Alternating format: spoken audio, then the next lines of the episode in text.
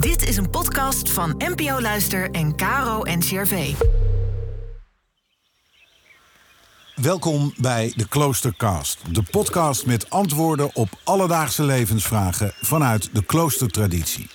Inspiratie voor je dag.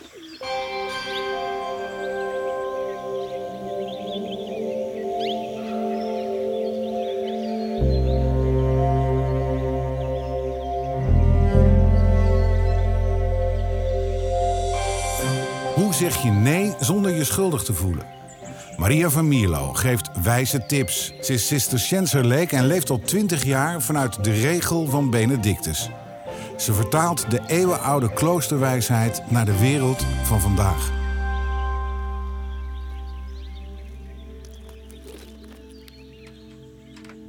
Je gaat in op een uitnodiging voor een feest waar je geen zin in hebt. Je zegt ja tegen een aanpassing van je werkomstandigheden. Of die schoenen zijn er niet in jouw maat en je glimlacht vriendelijk als de verkoopster zegt: Maar ik kan ze wel bestellen hoor, dan worden ze naar je opgestuurd. En zo zit je, omdat je geen nee durfde te zeggen, ineens op een feest vol onbekenden.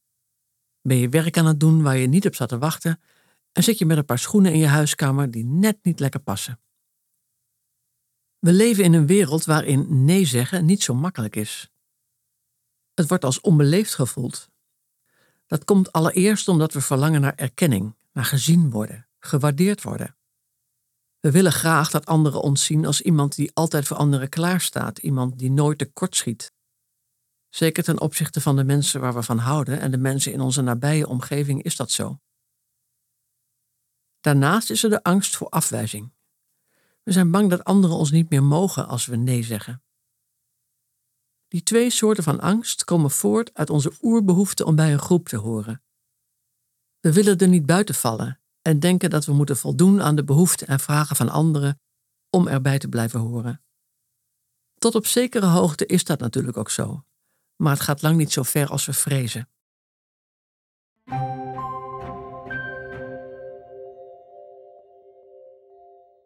Als je wilt leven volgens de weg die je ziel te gaan heeft, is altijd ja zeggen niet mogelijk zonder van die weg af te raken.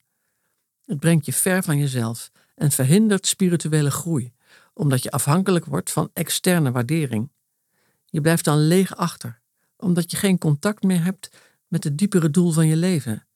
De relatie tussen jouw bestaan en het goddelijke beleven en zichtbaar maken. Het is de kunst om een evenwichtig pad te vinden tussen die twee motivaties door. Aan de ene kant ligt er dat verlangen naar erkenning, aan de andere kant die angst voor afwijzing. En daartussendoor wandel jij op het pad van het innerlijke leven, dat loopt via waarheid en authenticiteit. Ieders pad is per definitie uniek en ligt op een andere plek. Niet één weg is synchroon aan de andere. Dus het is zelfs intrinsiek onmogelijk om altijd te doen wat alle anderen zogenaamd van je willen. Op jouw route is niet wat moet ik doen? De centrale vraag, maar wat staat mij te doen? Dat is een heel andere vraag. Als je die vraag eerlijk aan jezelf durft te stellen, zul je ontdekken dat het antwoord soms domweg nee is.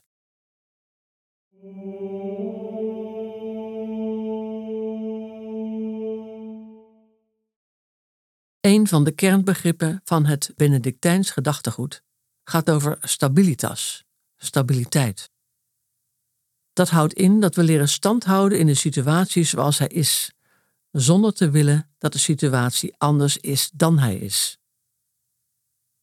Vroeger ging dat bijvoorbeeld over volharden in het klooster.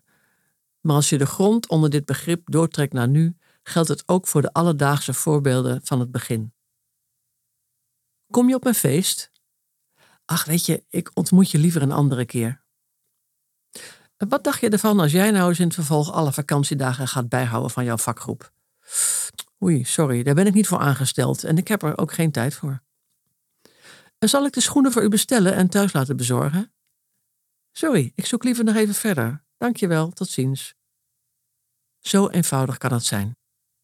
In plaats van nee te zien als een afwijzing van anderen, mag je het beschouwen als een bevestiging van je eigen innerlijke kompas. Het is een daad van zelfliefde, van zorgen voor jezelf. Je doet jezelf recht. Denk daar maar aan als het weer eens moeilijk is om nee te zeggen. Maar al te vaak denk je dat je ja zegt tegen een ander, terwijl het enige wat er gebeurt is dat je nee zegt tegen jezelf.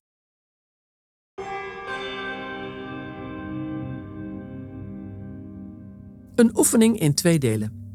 Als je binnenkort in een situatie komt waarin iemand je iets vraagt waar je in wezen niets voor voelt, zeg dan eens nee en ga voor jezelf na hoe dat voelt.